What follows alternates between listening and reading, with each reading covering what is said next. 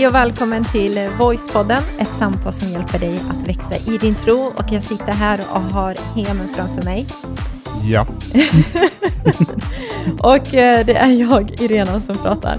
Eh, och vi är inne i det här temat med följare mm. och vi är inne i eh, avsnitt nummer 42 eh, och den heter Följare, den enda som verkligen förstår. Mm. Eh, och det är lite det vi ska prata om mitt i det här med svårigheter och eh, lidande som vi kan uppleva i livet. Att vem är det som verkligen förstår oss mitt i allt det här? Mm. Och det här är ganska intressant i det här ämnet som handlar om följare just för att vi följer Jesus och då vill man veta att den personen som jag följer, eller min coach eller min tränare, att den förstår sig på mig, att den inte bara lägger på saker som eh, man, men som man inte klarar av, utan, utan eh, min coach, min tränare eller den personen jag följer, min mästare, han, han förstår sig på mitt liv, han förstår sig på vad jag går igenom och alla de här sakerna. Eh, och det tror jag kommer vara väldigt givande. Mm. Eh, men innan, vi, som vi alltid säger, innan vi går in och börjar prata om det, så ska vi alltid göra det som vi också tycker är väldigt roligt, och det är det här med recensioner. Och vi pratade om det i förra avsnittet, om att vi nu skulle välja ut en person i den här grejen som vi kallar det för, att mm. man väljer en person som vi skickar ett presentkort till på 250 mm. spänn. Mm. 200. 200 var det. Just förlåt att göra dig besviken. var du tvungen att säga fel, Irena? Ja, I'm Nu har vi sorry. lagt upp förväntningarna. Ja, precis. 200. Mm. 200 också jättebra. 200 och Emil är för snål, det blir inte 250. precis. Tittat för mycket på Solsidan. Ja. Eh, nej men 200 och det blir ett presentkort på det. Och den personen som vi har valt ut är... Trolletes. Mm. Så om du Trolletes lyssnar, eller om du som lyssnar känner Trolletes som har skrivit en fin recension där, eh, så får du jättegärna höra av dig till oss via sociala medier och säga hej, det är jag som är Trolletes, och så får vi lite uppgifter till dig så att vi kan skicka iväg ett fint presentkort. Mm. Och vet man vem det här är så kan man göra henne medveten också om precis, det. Precis, precis. Eh, men vi kanske ska ta och läsa en eh, jättefin recension också från någon annan person som mm. har skrivit till oss. Och då är det någon som heter Sarban, eller i alla fall har eh, ett det, konto som heter alltså så. Det, det, är lite halva grejen med, med alla de här recensionerna, i alla fall på, i podcaster-appen. Eh, på Facebook är det lite annorlunda, för där skriver man typ för och efternamn och man ser vem det är.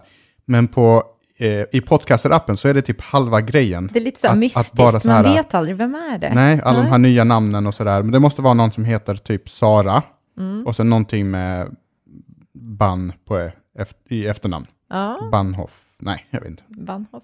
Ingen aning, men det är eh, Sarban i alla fall. Mm. Eh, och eh, då har den här personen skrivit så här. Den absolut bästa podden som finns.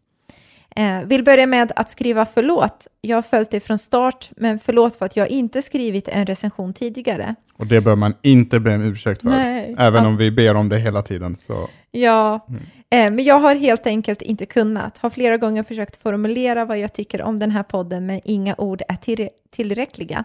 Har flera utkast på recensioner i oj, min oj, mobil oj, och inget är tillräckligt bra för att beskriva hur fantastisk denna podd är.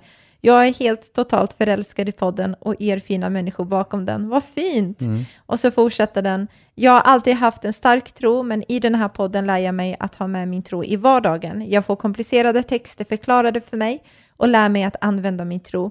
Jag lär mig nya sätt att uh, se på saker och ting. Jag har växt så mycket min tro sedan jag fann er. Tipsar alltid folk i min omgivning om er podd och alla jag känner älskar den. Så tacksam för att ni finns. Wow! Wow, och vi är så tacksamma för den här fantastiska... Tack för att du lyssnar, wow! Ja, tack. ja det där var... Vi är, vi är speechless och mm. det händer ju väldigt ofta. Ja. Eller sällan. alltså, det händer sällan för att det var så fint. Du sa det, det ja. Ja, mm. väldigt fint. Stort tack för att du tog dig tiden, skrev ner det här och som Hema sa, du behöver absolut inte be om förlåtelse. När jag började läsa det, jag bara nej, vad har vi gjort? Eh, men det här var ju, ja, så fint. Jättetack. Mm.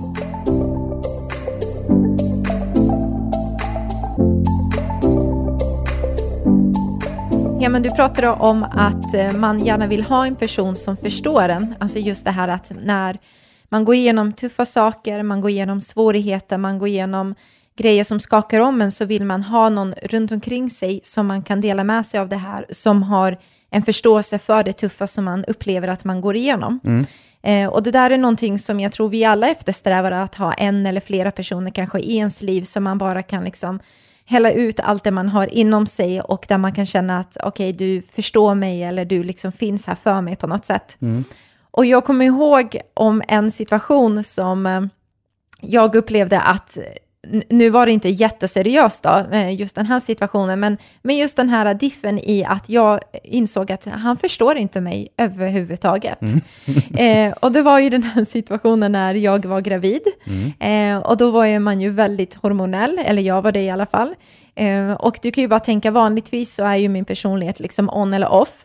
Eh, mm. Du, du står ju för mellanläget. Det är liksom toppar och dalar. Ja, och, du... och jag går mitt på vägen, kan man säga. Du är alltid där, stadig. Mm. Och så möter jag dig ibland där uppe på kullen eller nere vid dalen. Mm. Eller jag möter dig där för att hämta upp dig eller dra ner dig. dra ner dig. I alla fall, så, um, så du kan ju tänka dig hur det var liksom, du, do you remember hur mm. det var den tiden när man var full med hormoner? Så det var en kväll som jag satt där och klockan var fem i nio och vi skulle titta på film och jag bara kände sån här extrem choklad, chokladsug och bara åh vad gott det hade varit att få i mig en choklad. Eh, och eh, jag tittade på dig och där var du, min man, den som skulle finnas där för mig alltid. Mm. Och klockan var fem i nio och jag visste om att Hemköp stänger ju nio, det var typ 500 meter bort eller någonting. Så jag tittade på dig och bara, älskling, vill du inte? Mm. Eh, vill du inte bara gå ner och köpa choklad? Och du hade lärt dig mm. att man ska bara typ lyssna och lyda när kvinnan är gravid. Ja. Ja. ja men alltså kvinnor går igenom så mycket, eh, alltså det är kvinnor som gör hela jobbet. Ja, och då tycker jag, då, då kan, man, då kan man väl ändå göra någonting när man blir ombedd om det. Eller hur? Men klockan var fem i nio och jag får den här frågan, kan du snälla göra det här? Och, jag, eh, och det finns liksom inget rum för att se problemen och utmaningarna med det här, utan det är bara att se möjligheterna. Så det är bara att sätta på sig kläderna och springa allt vad man kan. Jag tror jag cyklade. Nej, jag tror du sprang. Det var ju bara... Okej, okay, det sprang. Men jag kommer ihåg att det, det, var någonting, att det typ det regnade. det någonting. kändes som att du cyklade kanske. Ja, men jag tar mig dit så fort jag bara kan, köper den där chokladen, kommer tillbaka och så får du den chokladen. Ja. Och så tänkte jag, yes, jag, har, jag är en bra man. Ja, och du, var, du, du är och var en bra man. Mm. Eh, så jag får den här chokladen och bara, åh, det här är ju så gott. Och jag mumsar i mig chokladen. Men sen efter bara någon minut så bara började jag gråta. Alltså mm. bara verkligen så och sån här ugly crying, du vet, så här, mm. där du bara, oh, vad är det där som sitter bredvid mig? Och så vände jag mig mot dig och bara, jag bara, varför gråter du? Liksom? Ja, jag bara, alltså nu känner jag mig som tjock, för jag har mm. ätit så mycket choklad och du har köpt chokladen. Och det var ju verkligen, du bara såg så, alltså det var ett stort frågetecken. Mm. Du liksom förstod inte situationen Nej, men jag bara, där. what? Och sen så fortsatte det, sen så kom jag och vill trösta, så bara, gå, du förstår ingenting, gå härifrån. Och så reser jag mig upp och går, bara, varför går du? Kom tillbaks! ja, det var så kul. Och där så förstod jag att Hemen förstår inte mig, för du har inte gått igenom det här som jag håller på och går igenom. Mm. Eh, all, all hormonell rus som händer i kroppen. Mm. Och jag tänker att man vill så gärna ha en person som faktiskt förstår en. Ja, och, och ibland så är det bara, bara det. Alltså ibland när vi typ, eh, när du berättar någonting och så kommer jag in i problemlösar-mode direkt. Och så säger du typ att, nej men jag vill bara att du förstår. Mm. Alltså ibland så är det bara det, man vill bara ha någon som finns där och berätta någonting för och den personen förstår. Men problemet kan också vara när man sitter eh, framför någon och man berättar världens mest hemska grej och sen så sätter den personen huvudet på sned och så säger han mm, jag förstår. Och så bara känner man själv, du förstår ingenting. Du mm. fattar ingenting av vad jag går igenom. Hur kan du säga att du sitter där och förstår? Så vi vill att folk ska förstå, men vi vill att de ska göra det på riktigt och det inte bara ska vara någonting som vi har lärt oss att säga. Mm, precis, och jag tänker att den tro vi har till Gud är att Gud är en Gud som förstår verkligen oss. Och när Gud kom och blev en människa eh, så gjorde han det också för att han skulle kunna identifiera sig med det vi går igenom, allt det här smärtan som vi går igenom. Han skulle känna med hur det är att bli sviken, med att bli missförstådd, med att inte liksom få sin vilja igenom i allt, eller vad det nu kunde vara, liksom, att han skulle gå igenom det här tuffa som vi kan gå igenom i livet. Mm. Så om det är någon som förstår vad du går igenom så är det faktiskt Jesus. Och det står i Nya Testamentet, i Hebreerbrevet, där det beskriver om just det här att vi har en Gud som förstår oss och som har medlidande med oss, som känner med det vi går igenom. Och det står i Hebreerbrevet eh, kapitel 4 och vers 14 till 16. Och eh, där kan vi läsa så här. När vi nu har en stor överstepräst eh, som har stigit upp genom himlarna, Jesus, Guds son, låt oss då hålla fast vid vår bekännelse. Vi har inte en överstepräst som inte kan ha medlidande med våra svagheter, utan en som har varit frestad i allt, liksom vi, fast utan synd. Låt oss därför frimodigt gå fram till nådens tron för att få barmhärtighet och finna nåd till hjälp i rätt tid. Mm. Precis, vi har en överstepräst eh, som, som kan ha medlidande med oss för att han själv gick igenom ett lidande.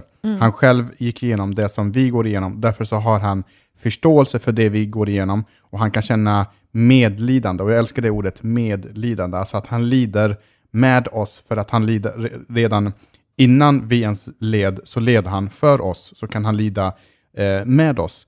Eh, och Jesus blev, det står att han blev eh, frestad och att han fick lida på alla möjliga områden.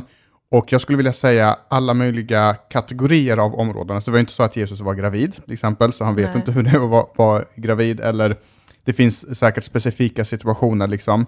men i alla olika alla typer av lidande har Jesus gått igenom. Han har gått igenom fysiskt lidande, han har gått igenom psykiskt lidande, han har blivit eh, utelämnad, han har blivit övergiven, han har blivit missförstådd eh, och alla de här sakerna. Och framförallt så han, har han också blivit det av människor som har stått honom så nära.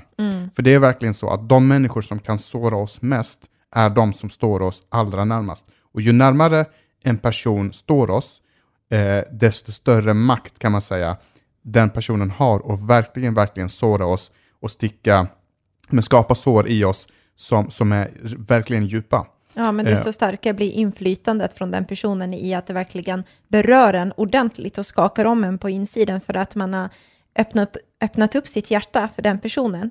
Eh, och det behöver inte vara någon kärleksrelation, det kan vara vänskaplig, det kan vara liksom en arbetsmiljösituation, men du vet just att man ändå har öppnat upp, öppnat upp sitt hjärta.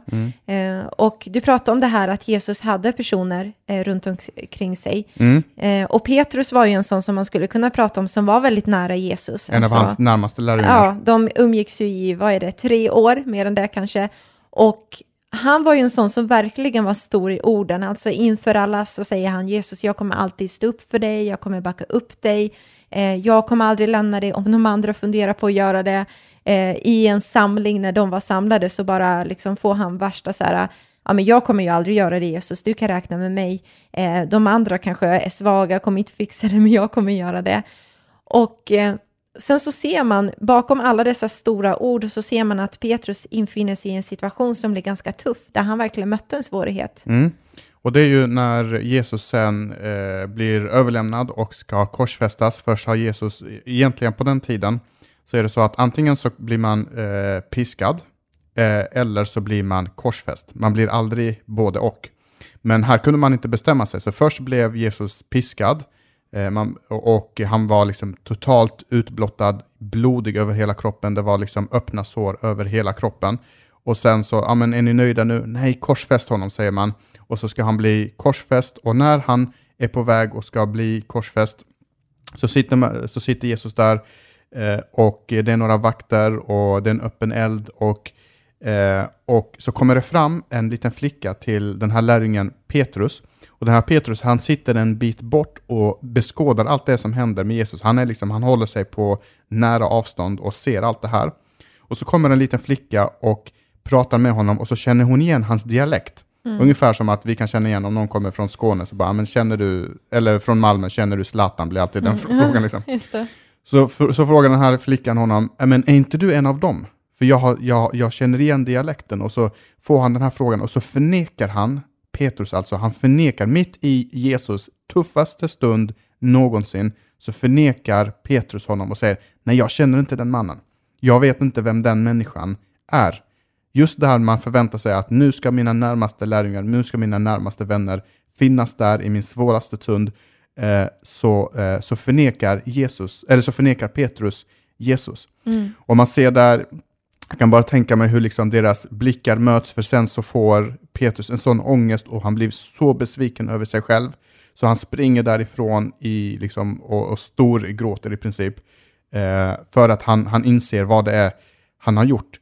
Men just den här grejen i att, att eh, det, det, är liksom, det är fysiskt lidande, Eh, det är relationellt lidande, det är psykiskt lidande. Han, Jesus är i, eh, i den här eh, gården Getsemane och så ber han till Gud, Gud kan du, finns det något, något annat sätt, finns det någon annan väg att gå än att jag måste gå den här vägen och bli korsfäst och bli överlämnad. Och så avslutar han sin bön med att säga, men Gud låt inte min vilja ske, utan låt din vilja ske. Och det står till och med att han svettades blod. Mm. Och det här är en sjukdom, eller det här är någonting som, som finns än idag, att om du befinner dig under så stor press, men då ska det vara djup ångest, djup ångest mm. extrem press, så kan du till och med börja svettas eh, blod.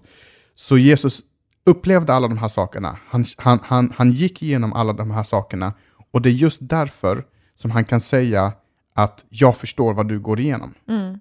Alltså den här rädslan för Petrus måste ha varit enorm för att han var så rädd för att bli utfryst så han gjorde en sån sak.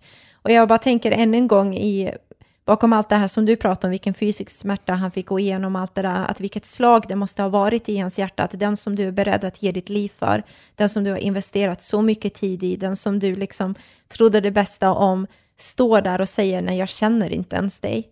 Eh, så att det de gjorde var ju precis som du sa, de tog där Jesus vidare och den största svårigheten och lidandet var inte bara det fysiska, även om det var liksom det, det värsta tortyrredskap man använde på den tiden och de här slagen och, och att man piskade honom. Men det, det stora och det jobbiga smärta måste ändå ha varit i just att när Jesus säger min Gud, min Gud när han hänger på korset, min Gud, min Gud, varför har du övergivit mig? Mm. Alltså från den stunden som blev Jesus och Gud skilda från varandra. Gud lämnade honom och det Jesus gjorde var att han tog vår plats så att vi inte behövde vara skilda från Gud. Så att vi nu genom honom kan komma till Gud mm. genom det han gjorde för oss. Alltså den ensamheten, inte bara att människor har övergett honom, inte bara att romarna eller de här religiösa ledarna, att de vill korsfästa honom, de vill honom illa, utan hans närmaste finns inte där och inte nog med det, nu finns Gud inte där heller. Och, och varför Gud inte finns där, det är, just, det är just det här med att Jesus, när han hänger på korset, så tar han på sig hela mänsklighetens synder. Mm. De som har varit begångna, de som blev begångna under hans livstid och de som kommer bli begångna. Och han tog allt det där på sina axlar. Och den skilsmässa som du och jag, som, som pratar här och som lyssnar på det här, den skilsmässan som vi hade med, med, eh, med, med Gud, den tog Jesus på sig. Så han blev skild från Gud i vårt ställe. Mm. Så lidandet var verkligen totalt. Så vi har liksom det kroppsliga, fysiska lidandet, vi har det relationella lidandet, vi har det psykiska lidandet, men vi har också det andliga lidandet. Och därför kan, vi säga, därför kan den här författaren som skriver Hebreerbrevet säga att vi har en överste präst, Jesus Kristus, som har blivit frestad och lidit i allt, men aldrig någonsin syndade. Och därför så kan han ha medlidande och förstå våra svagheter. Han kan förstå det som vi går igenom.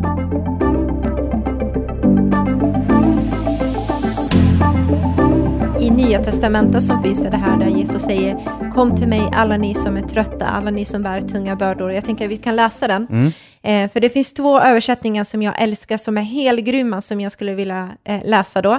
Och då är det i alla fall i Matteus evangeliet kapitel 11 och vers 28 till 30 så säger Jesus så här Kom till mig alla ni som är trötta och bär tunga bördor så ska jag ge er vila. Gå in under mitt ok och lär av mig jag är mild och ödmjuk i hjärtat. Hos mig finner ni ro för era själar. Mitt ok är behagligt och min börda är lätt. Och nu har det kommit ut en svensk kärnbibelöversättning som liksom förklarar lite mer ingående vissa ord som ger oss en bredare bild men som ändå håller sig till grundtexten. Och jag skulle vilja läsa samma bibeltext men så får vi en lite bredare förståelse. Mm. Eh, Kom till mig alla ni som arbetar, är utmattade, själsligt trötta, sörjer och är tyngda, stapplar under lasten av pålagda bördor, står under religiösa plikter och lagar. Jag ska ge er vila, gå emellan och lätta bördan, ge själen vila. Ta på er mitt ok och lär av mig, bli mina lärjungar. För jag har ett milt och ödmjukt hjärta. Ni ska finna vila, ro och nytt mod för era själar, För mitt ok är milt, det är gott, behagligt, fyllt med glädje och min börda, min packning är lätt att bära. Mm. Så den tycker jag beskriver just det här att oj, jag behöver liksom bara lägga av med den här tunga lasten av svårigheter och bördor som bara läggs på mig genom livets gång. Att Jesus inbjuder oss att som efterföljare, han säger lär av mig, alltså kom och följ mig och låt mig få lyfta bort allt det där tunga. Mm. Och I första avsnittet så pratar vi om här, den här bibeltexten där Jesus säger att jag har övervunnit världen. I den här världen får ni lida, men jag har övervunnit världen. Och det gjorde han när han hängde på korset. Och eftersom han har övervunnit världen så kan vi lägga våra bördor på honom och veta att genom hans hjälp så kan vi ta oss igenom det här. Så vi har pratat om det här med att vara följare, att följa Jesus. Och att följa Jesus handlar inte bara om att eh, springa efter någon och apa efter någon, utan i den här texten så pratar han om ett ok. Och just den här bilden av ett ok är ganska intressant. Ett ok är helt enkelt ett verktyg man använde på den tiden eh, som, som eh, där eh, man kopplade ihop två tjurar eh, med en träbit för att de tillsammans skulle dra någonting. Eh, och, och ploga eller vad det nu eh, var man gjorde. Och det som var intressant med det, det var att det man ofta gjorde för att träna upp en ny tjur så kopplade man ihop en ny tjur som var oerfaren, som inte var lika stark, med en lite äldre tjur som var, erfarenhet, som var erfaren och mycket starkare. Och så kopplade man ihop de här två så att den yngre tjuren fick lära av den äldre tjuren och så gick de tillsammans. Och det är exakt det, det det här handlar om. Att vi är Jesus lärjungar, vi är den här oerfarna tjuren och vi bär på det här tunga lasset livet ut. Men så kommer Jesus och säger, men du, det här behöver inte du göra själv. För att jag gjorde det här en gång för alla på korset. Jag har lidit, jag har gått igenom alla de här sakerna som du går igenom. Så låt mig få tillsammans med dig bära ditt ok. Låt mig få gå under ditt ok. Och så kopplar han ihop sig själv med oss och plötsligt så blir allt så mycket lättare. Och det var precis det som var eh, liksom temat under förra avsnittet, att, att vi kommer eh, möta lidande, men Jesus kan hjälpa oss att hantera det på ett lättare sätt. Och, så, och det är just därför han säger att mitt ok är behagligt och min börda är lätt. Att om jag får komma in under ditt ok och vi drar det här oket tillsammans, så, så blir ditt ok också mitt ok och då kommer ditt ok att bli lätt. Mm.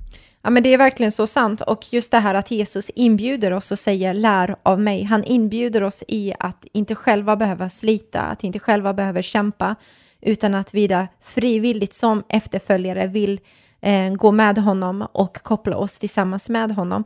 Och Jesus vill bära det här tunga åt oss. Och jag tänker att vi alla människor går runt och bär på någonting. Alltså vi alla har ju någon slags ryggsäck eller en packning som vi har liksom som vi har genom livet och där så stoppar vi i saker som ibland kan upplevas tunga. Det kan vara allt från tidigare erfarenheter, det kan vara sår, besvikelser, det kan vara misslyckanden, det kan vara krav som jag har på mig själv, krav som andra lägger på mig själv, den här pressen på arbetet, skolan, prestera, förväntningar, alltså livet helt enkelt. Eller så kan det också vara saker som vi lägger ner i den här packningen som kan vara men en oro för ens framtid, inte bara för sig själv. Det kan vara en oro som man har för sina nära och kära, för människor man har runt omkring sig med hur ska det bli med livet.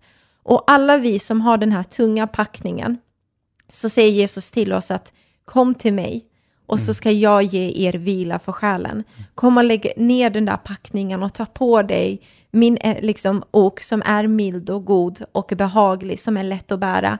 Och det här oket, om det är någonting jag behöver göra i när jag går eh, vid sidan av Jesus, är inte att jag behöver hålla upp honom.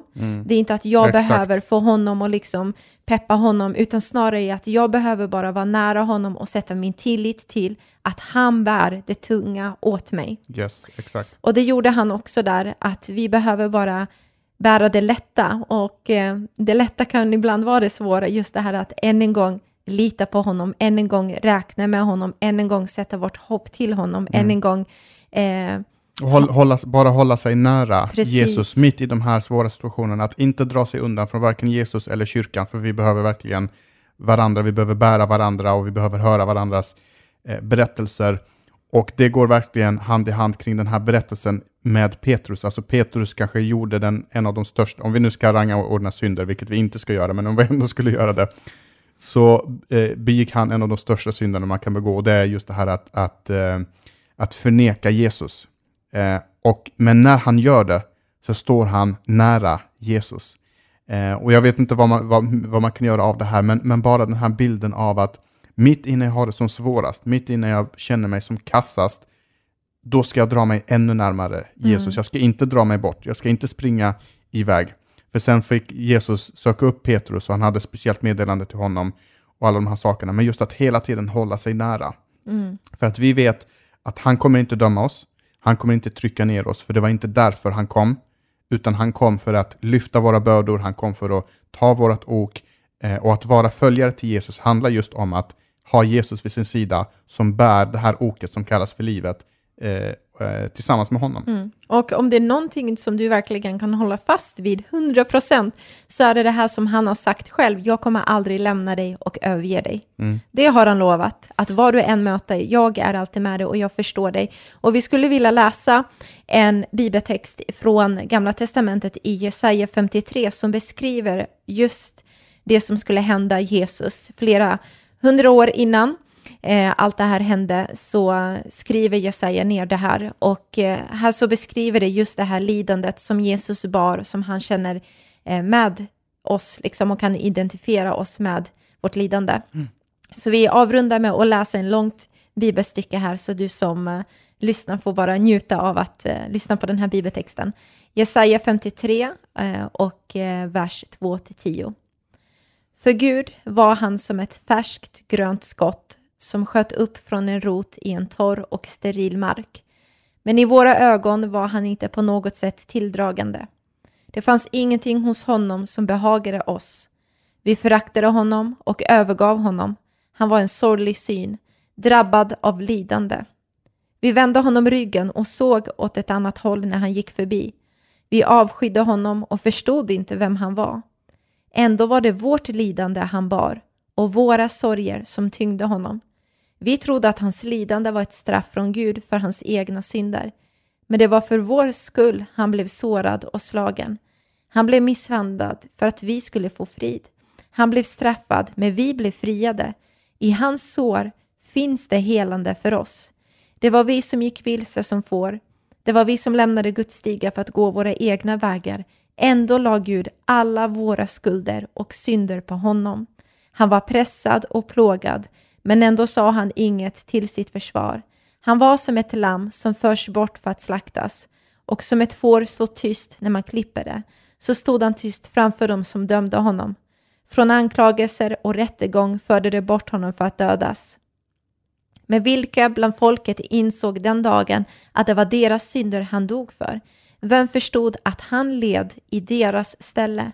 Han begravdes som en brottsling i en rik mans grav, men han hade inte gjort något brottsligt. Han hade aldrig sagt ett ont ord, men det var ändå Herrens plan att krossa honom och lägga detta lidande på honom. När han väl har offrats för synden ska han få många arvingar, han ska få liv igen och Guds plan ska ha framgång genom honom. Mm. Så när Jesus säger att han förstår, då förstår han dig 100 procent. Mm. Då förstår han dig helt och hållet. Och du har en Gud som inte bara eh, är mäktig nog att känna med dig och ha medlidande, utan du har en Gud som också vill trösta dig i din situation. Du har en Gud som också vill hela faktiskt och upprätta det som behöver upprättas. Och han vill hela det som vi själva inte kan hela. Mm. En Gud som vill lyfta, en Gud som vill stärka det som har varit brustet och, och en Gud som också vill återförena det som behöver återförenas igen. Exakt. Och man kan undra varför pratar vi om lidande i ett avsnitt som handlar om att vara en följare? Jo, och varför läser vi den här bibeltexten? Jo, därför att det handlar om att vi behöver veta vem är det jag följer? Vem är det som jag följer? Det här är inte liksom en person, Jesus segrade inte genom att vara liksom, eh, så här mäktig och proper och kom på en vit häst och, och liksom slog rekord och, och, och liksom är mästare och har skrivit böcker och alla de här sakerna, utan Jesus segrade genom sitt lidande. Och när vi följer Jesus, då är det den Jesus vi följer. Och då är det den Jesus som följer som kan identifiera sig med vårt lidande. Mm. Och ett av världens största eh, frågor som har ställts kanske i flera, flera tusen år är just det här, men om Gud är god och allsmäktig, varför finns det så mycket ondska? Och jag kommer inte, nu är vi på väg liksom att eh, säga, sätta punkt för den här podden, jag kommer inte starta ett helt nytt tema för att det skulle behövas massor med avsnitt och svara på det. Men eh, skillnaden när Jesus svarar på den här frågan och när du får den här svar från andra ledare, det är att Jesus sitter inte på ett skrivbord och, tänk, och kommer på något, eh, någon så här eh, filosofisk fin tanke, någon vacker formulering, utan Jesus kliver rakt in i det lidandet som vi ifrågasätter. Rakt in i det lidandet och blir måltavla för det här lidandet som vi möter varje dag. Och därför så blir han mycket mer trovärdig i när Jesus ger ett svar på lidandets problem än när alla de här andra filosoferna liksom och, och, och med, med liksom alla de här flosklerna och fina orden och så vidare. Därför att Jesus har faktiskt gått igenom det. Mm. Han gjorde sig måltavla för det.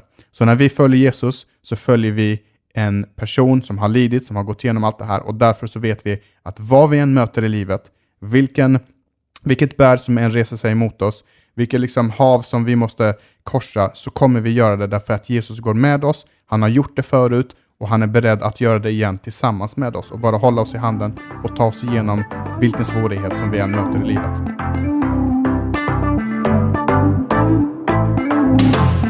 Så jag hoppas att eh, det här avsnittet har gett dig styrka och, eh, och även också hopp i att vad jag än möter så vet jag att jag har en Gud som känner med mig, jag är inte ensam och han vill ta mig igenom det här och han vill också hela och han vill åter, återupprätta det som behöver återupprättas i mitt liv. Och i andra avsnittet i det här temat så pratade vi om vad det innebär att vara en följare till Jesus och en av de sakerna handlar faktiskt om att bidra till att andra människor också får tag på Jesus, alltså bidra till att missionsbefallningen uppfylls.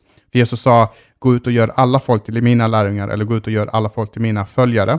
Och ett sätt som du kan göra det på, det är faktiskt att vara, eh, bli en givare till Voicepodden.